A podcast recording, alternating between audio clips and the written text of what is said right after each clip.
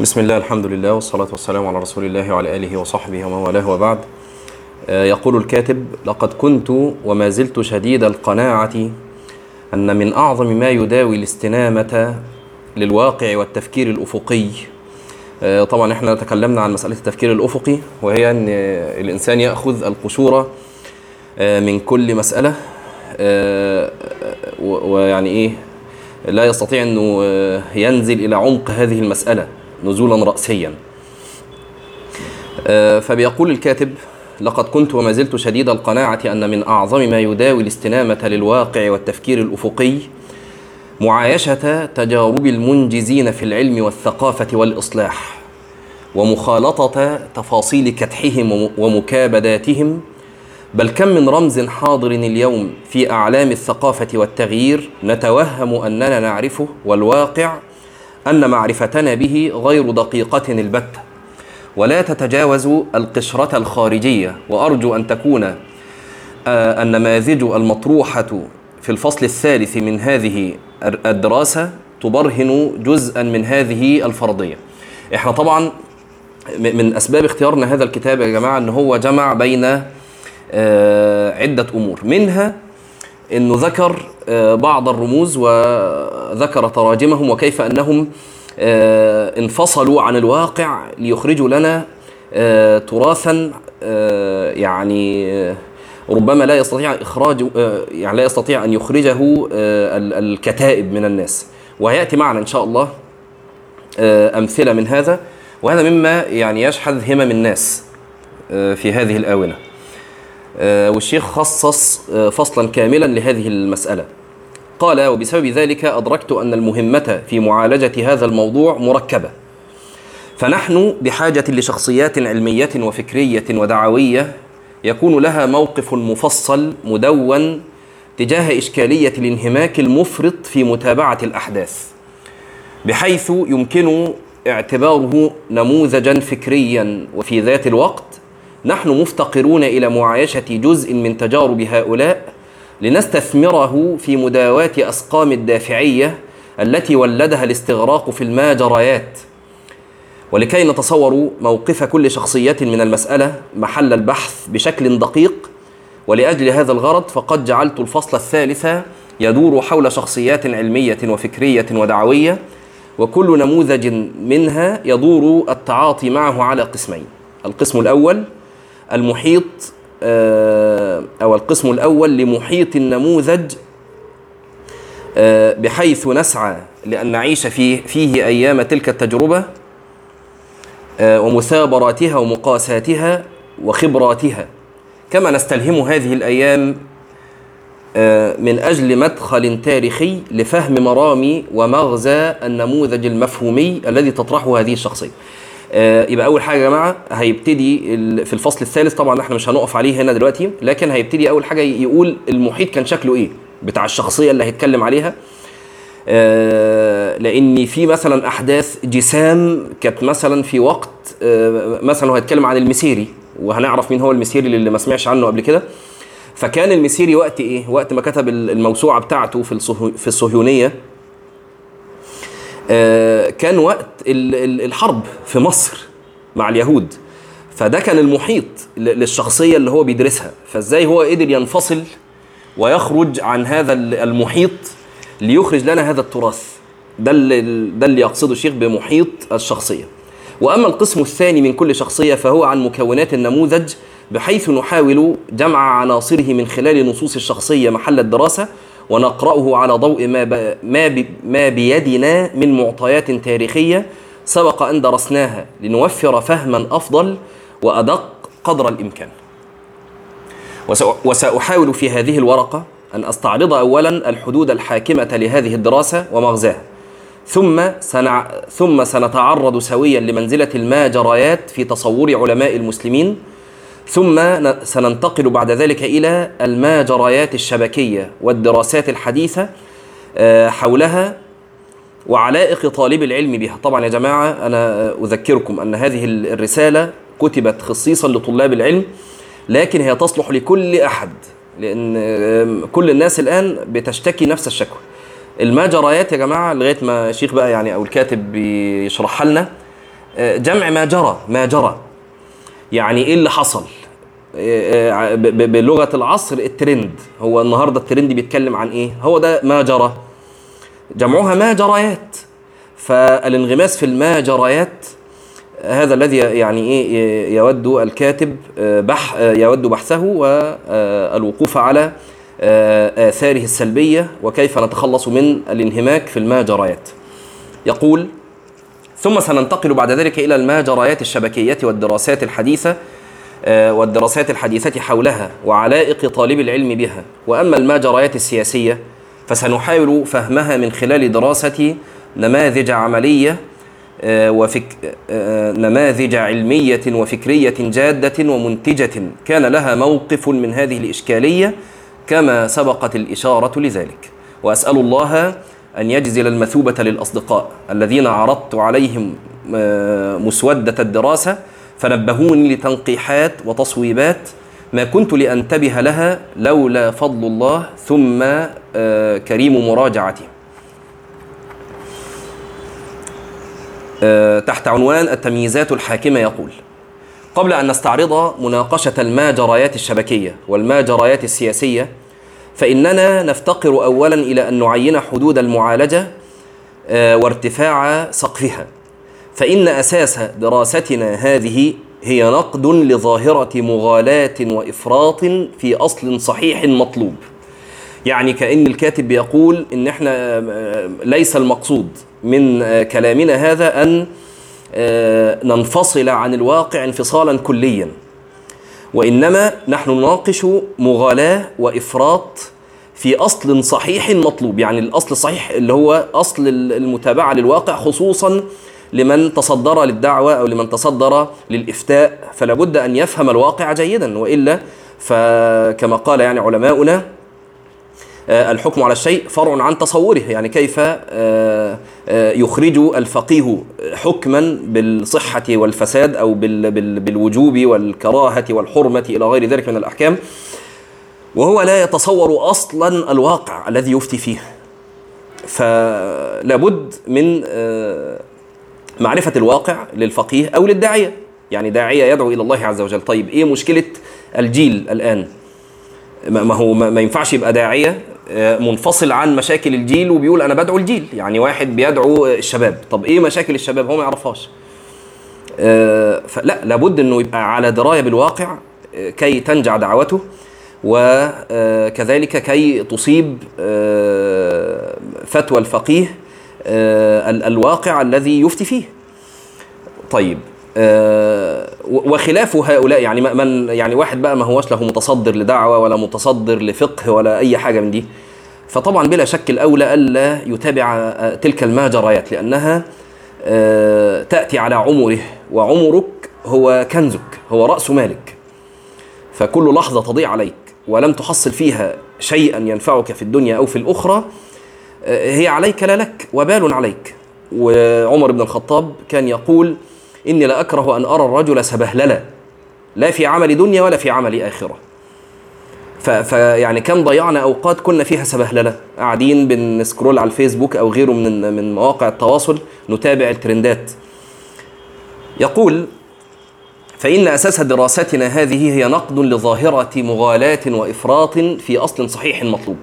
ولو أحصي كم رأيت من ينتقد ظاهرة مغالاة وإفراط في أصل صحيح مطلوب فيسبق إلى ذهن رهط من القراء أن المقصود استئصال الأصل الصحيح المطلوب من محتده واجتثاثه من جذوره.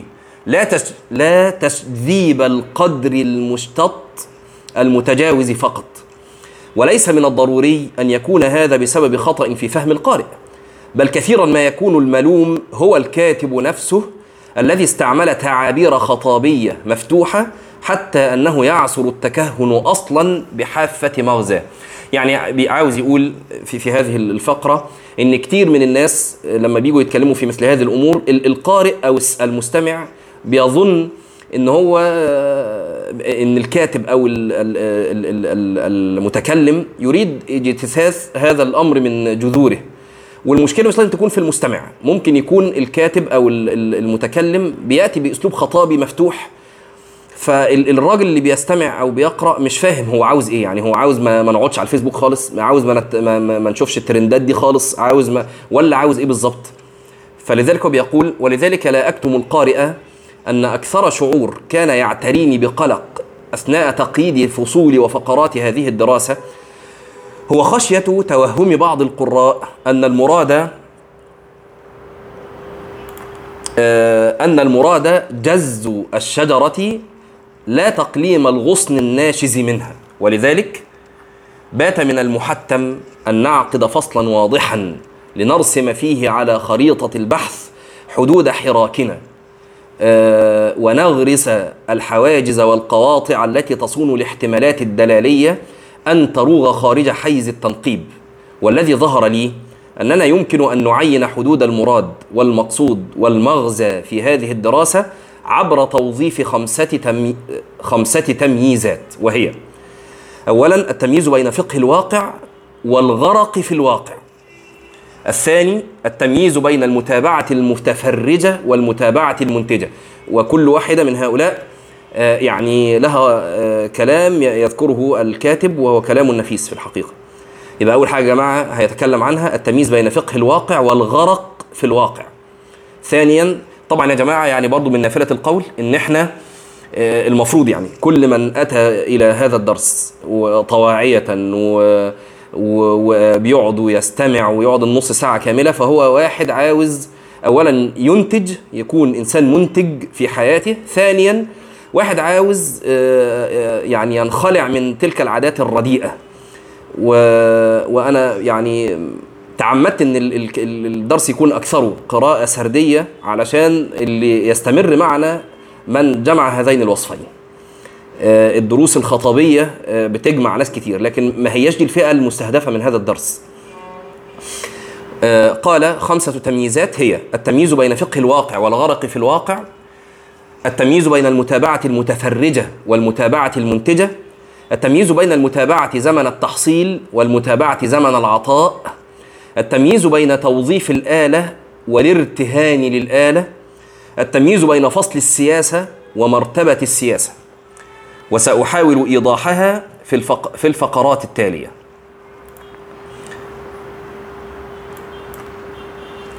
آه، أولا التمييز بين فقه الواقع والغرق في الواقع. قال من أسس التفكير التي ركبها الله عز وجل في العقل البشري أن الإنسان لا يمكن أن يعالج امرا وهو لم يتصور. هذا أمر يدركه أي إنسان مهما كانت خلفيته الدينية والثقافية.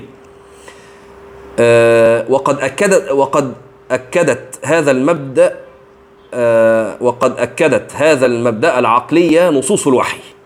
وهذه القضية بالرغم من بديهيتها التي يستغرب المرء من مجرد إثارتها أصلا إلا أنها تغيب في كثير من الأحيان لدواع شتى. إيه هي يا جماعة البديهية دي اللي هو عاوز يقولها؟ إنك ما ينفعش تعالج امرا تقدم على أمر وأنت لم تتصور هذا الأمر. يعني يبقى الأول لازم الأمر تكون متصوره ذهنيا إيه هو؟ علشان تقدم عليه. ولذلك أنا لو كلمتك الآن بالياباني وطلبت منك حاجة مش هتقدم عليها ليه؟ لأنك لا أصلا لا تتصور ما أقوله، أنت مش فاهم أنا بقول إيه أصلا. فلا بد إنك تتصور الأمر قبل أن تقدم عليه أو قبل أن آه، تخرج له حكما خلاص؟ طيب. آه، بيقول دي بديهية لكن بتغيب عنا.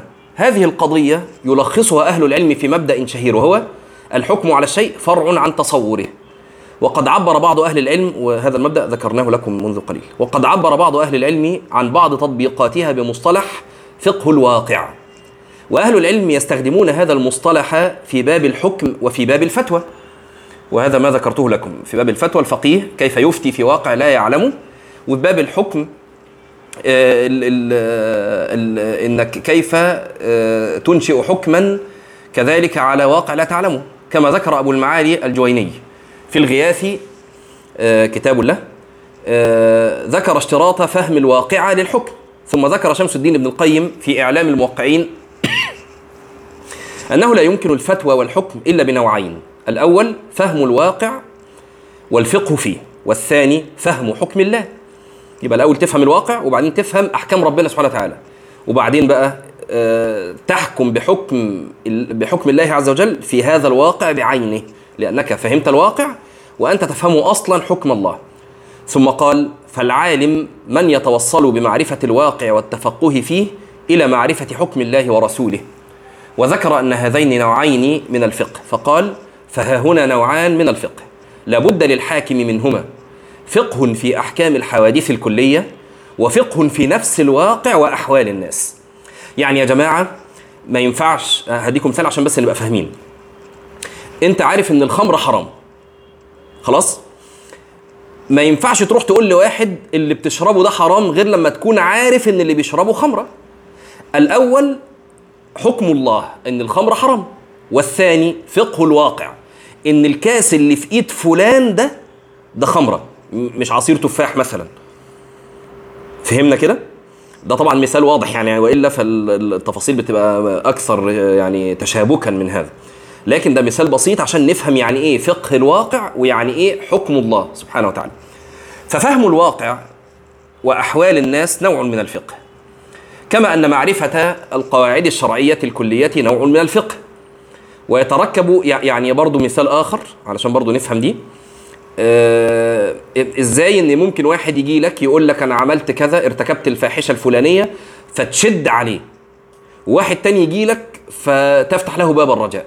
لأنك في الأول آه رأيت منه اعراضا عن عن الله عز وجل وإيه عدم آه وانست منه عدم تعظيم لحرمات الله عز وجل.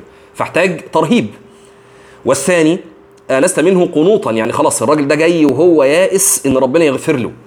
فلو شديت عليه خلاص هيكفر. فده فهم للواقع. إزاي بقى يؤثر في دعوتك؟ أهو يعني إحنا جبنا مثال للداعية بقى. إحنا قلنا مثال للفقيه الأول. المثال الثاني للداعية. فالداعية لما يجي يكلم واحد هيكلم ده بالترهيب ويكلم ده بالترغيب. ليه؟ لأنه فاهم الواقع. طيب. يقول ففهم الواقع وأحوال الناس نوع من الفقه كما أن معرفة القواعد الشرعية الكلية نوع من الفقه ويتركب من هذين الفقهين التنزيل الصحيح للقواعد الشرعية على الواقع. وهذه التأصيلات السابقة وإن وردت في موضع خاص وهو باب الحكم وباب الفتوى إلا أن معناها عام لأنه معنى معقول متفرع عن أصل كلي لا يخالف فيه أحد من أهل العلم وإنما شجر بعض السجال المعاصر حول مصطلح فقه الواقع لمحركات أخرى لا صلة لها بعلمية هذا المفهوم وإنما لتوهم بعض نقاده أن هذا المصطلح أداة يتوصل أداة يتوصل بها بعضهم لخيارات سياسية اجتهادية خاصة. والعالم المحقق لا يناوئ المعاني والاصطلاحات الإسلامية الصحيحة لأجل ظنه أن مخالفة أن مخالفه يتوسل بها لخيار اجتهادي له. فإن هذا نظير من يثلب علم مقاصد الشريعة لأن بعض الحداثيين يتذرع به للبرهنة أو للبرلة من كلمة ليبرالية يعني للبرلة بعض الأحكام الشرعية أو من يتوجس من علم أسباب النزول لأن بعض الحداثيين سعى لتوظيفه للقول بتاريخية الأحكام الشرعية. وأشباه هذه المواقف وأشباه هذه المواقف كثيرة. وهي أحد تطبيقات فرض المسألة الخاطئة على الدليل الصحيح في ذاته. طبعا إحنا بنتجاوز بعض المسائل لأنها مسائل كبيرة ولا نحتاجها في هذا الدرس. يعني يعني ليست من مقصود هذا الدرس. فنصبر على مثل هذه الأسطر لكن يعني تحصيل فائدة الكتاب والفايدة ثانية يا جماعة برضو. وهي فايدة إن إحنا نصبر على القراءة. نصبر على القراءة يعني إحنا عاوزين نخرج من هذا الدرس مش النهارده يعني عموما يعني مثل هذه الدروس خلاص صالحنا الكتب فلا بد إن إحنا في كل كتاب يجي علينا بعض المسائل اللي مش عارفين عنها حاجة نتجاوزها لغاية ما ربنا سبحانه وتعالى يفتح علينا ونتعلمها و... وتفتح لنا مثل هذه المسائل. قال وهي أحد المراتب الأربع في تقسيم العلم إلى مسائل ودلائل وسيأتي لها مزيد توضيح بإذن الله. والعالم اليوم تلهث به المتغيرات المتغيرات المتلاحقة والمجتمعات المسلمة بكيفية خاصة تمر تركيبتها الثقافية والقيمية بتنقلات وانعطافات متسارعة. ومن يطمح للنهضة بأمته والقيام بمشروعات علمية وإصلاحية آه، تبيض وجهه عند ربه سبحانه وتعالى فسيتعذر عليه ذلك البتة دون فقه دون فقه الواقع. بأن يتصور كيف آه، تشكل الوعي المعاصر وما هي موارده وما هي موارده الفكرية. آه، يعني مثال يا جماعة وده كثيرا ما أضربه يعني.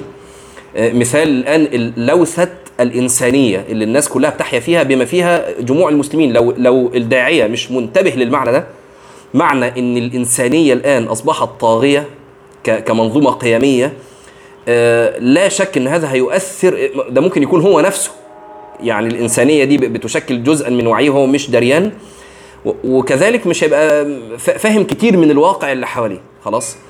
آه، عشان ما يبقاش الكلام طلاسم آه، في أقل من دقيقة. زي مسألة الصحفية اللي ماتت. دي يا جماعة ليها جذور في في في عقول المسلمين. جذور للمنظومة القيمية اللي هي بتسمى إنسانية. يعني هو آه، خلاص إحنا تربينا من ال social media ومن وسائل التواصل ومن التلفزيونات والدش وغيره وغيره إن إن الناس دي بتعمل خير. طيب فيبقى لما تموت عاوزين بقى إيه؟ نخضع هذا للإسلام. أو نخضع الإسلام لهذا لهذه المنظومة اللي هي إيه؟ هم بيعملوا خير ليه للإنسانية. خلاص يبقى خلي الإنسانية تجازيهم. مش الإسلام اللي يجازيهم. الشاهد يا جماعة ده فقه واقع إن الناس دلوقتي معظم الناس تشكل وعيها بشكل ما بقدر أو بآخر بهذه الإنسانية. طب وأنت في دعوتك بقى تبقى منتبه لمثل هذا. آه قال وما هي موارده الفكرية؟ موارد هذا الوعي الذي تشكل عند جموع المسلمين. وكيف تتحول محركات قناعتي؟ طب هتقول لا أنا لا داعية ولا أنا يبقى ليه بقرا الكلام ده؟ عشان أنت نفسك. اقف مع نفسك الوقفة دي. هو أنا وعي ده وعي اللي, عندي ده تشكل منين؟ ما هو يا جماعة برضو ما تحاولش تقنع نفسك إنك لما بتقضي ساعات على الفيسبوك إن ده مش بيو مش بيؤثر في وعيك بشكل ما. مستحيل. أكيد ده أثر في وعيك بشكل ما. روح بقى فتش إزاي أثر على وعيك. قال وكيف تتحول محركات قناعاته؟ وما محتوى معجمه اللغوي التداولي بالمعنى العام لمصطلح اللغة؟ ولذلك فإن علماءنا المؤثرين تغمدهم الله برحمته الذين ما زالت ذكراهم عبقة في ما زالت ذكراهم عبقة في نفوسنا كانوا في غايات القرب والتماس والمخالطة للناس ومعرفة احتياجاتهم ونمط تفكيرهم فأثمرت جهودهم وبارك الله في عملهم. ومن يميل للانكفاء والغياب عن فقه الواقع فهذا له بواعث مختلفة جدا. فقد يكون ذا تكوين روحاني لا يطيق صخب الواقع. من جميل ما يفعله الكاتب هنا إنه بيعتذر لكل عما يفعل. يعني من انغمس في الناس فعرف واقعهم خلاص خرجت أحكامه وخرجت دعوته آه، ناجعة فيهم. طب ومن إن, إن انكفأ وغاب عنهم؟ خلاص هو أيضا له تكوين روحاني لا يطيق صخب الواقع. وقد يكون مستغرقا في علم نظري بميول ومتعة ذاتية حتى تجده منصرفا عن التزامات شؤونه الشخصية فضلا عن تتبع قضايا الشأن العام. وقد يكون غير مقتنع أصلا بجدوى فقه الواقع وله اجتهاد في أن غيره من العلوم في أن غيره من العلوم أنفع منه أو أن هذا ليس هو التوقيت المناسب لفقه الواقع. وقد يكون المناوئ لفقه الواقع ليس لدافع نفسي ولا علمي وإنما قد يكون من اتجاه الغلو السلطاني الذي يرى أن هناك علاقة عكسية بين فقه الواقع والطاعة الكسروية نسبة إلى كسرى وقد يكون لبواعث أخرى. آه، ولكن هل هذا كل شيء؟ هل القضية هي بهذا الإطلاق فقط؟ وهو أننا يجب أن نهتم بفقه الواقع لنتمكن من إصلاحه؟ أم أن ثمة إشكالي أم أن ثمة إشكاليات أخرى؟ الحقيقة أن كثيرا ممن اقتنع بضرورة فقه الواقع في العلم والإصلاح تحول لا شعوريا إلى الغطس في الماجريات والانغماس في دوامة الأحداث والوقائع حتى تجاوز القدر المطلوب وهذا وقع لكثير من طلاب العلم يا جماعة. تيجي تقول له أنت ليه بتقعد؟ ده كله يقول لك فقه الواقع. ثم يعني التعبير اللي ذكره الشيخ تعبير موفق غطس. غطس خلاص. في الماجريات حتى تجاوز القدر المطلوب وخصوصا عبر الأدوات الشبكية المعاصرة والأحداث والوقائع السياسي السياسية والجدل والمهاترات الفكرية والقضايا الصغيرة فخرج عن فقه الواقع إلى الغرق في وحل الواقع. وهذه الدراسة ستحاول تحليل ومناقشة هذا القدر الزائد بإذن الله ثم يشرع في التمييز بين المتابعة المتفرجة والمتابعة المنتجة. نقف هنا ونقرأ لدقائق في كتاب التوهم. يقول الحارث المحاسبي رحمه الله فتوهم نفسك حين استطار قلبك فرحا وسرورا يعني إذ بشرت بشرك الملك آه، عند قبض الروح أو ملئ حزنا وعبرة إذ قال لك أبشر يا عدو الله إلى آخره. وبفترة القبر وهول مطلعه وروعة الملكين وسؤالهما فيه عن إيمانك بربك. يا جماعة حاولوا إن أنتوا تعطوا كل مشهد من هذا حقه. ولذلك هذا الكتاب ما ينفعش يتقري مرة واحدة. وما ينفعش يتقري جنب أي شيء بيشغلك. ده الكتاب ده يعني أنت بتقعد كده تت... يعني إيه؟ تتوهم هذا فعلا. تتصور أنك الآن في القبر. وفجأة يطلع عليك الملكان. ليسألانك من ربك ما دينك إلى آخر الإيه؟ هذه الأسئلة وسؤال وسؤالهما فيه عن إيمانك بربك فمثبت من الله جل ثناؤه بالقول الثابت أو متحير شاك مخذول فتوهم أصواتهما حين يناديانك لتجلس لسؤالهما إياك ليوقفاك على مساء على مسائلهما فتوهم جلستك في ضيق لحدك وقد سقطت أكفانك عن حقويك والقطنة من عينيك عند قدميك. فتوهم ذلك ثم شخوصك ببصرك إلى صورتهما وعظم أجسامهما. فإن رأيتهما بحسن الصورة أيقن قلبك بالفوز والنجاة.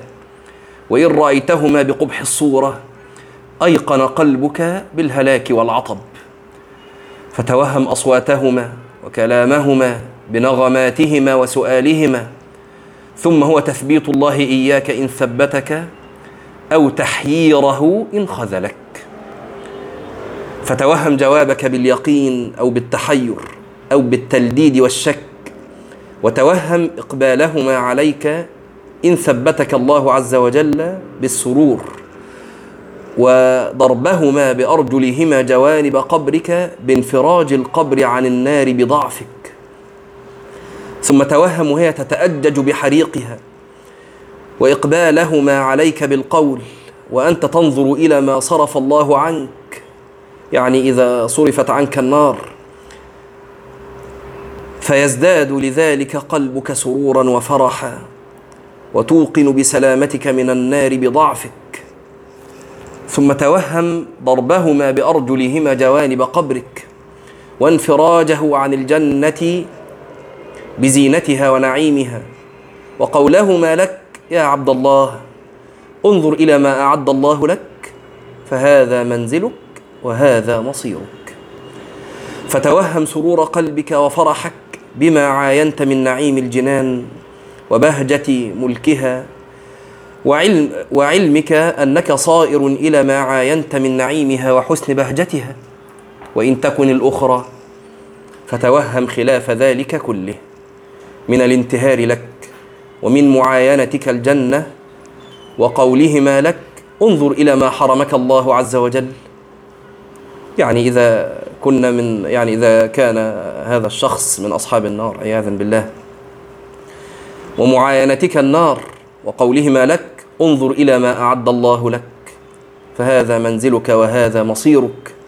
فأعظم بهذا خطرا وأعظم به عليك في الدنيا غما وحزنا حتى تعلم أي الحالتين في القبر حالك.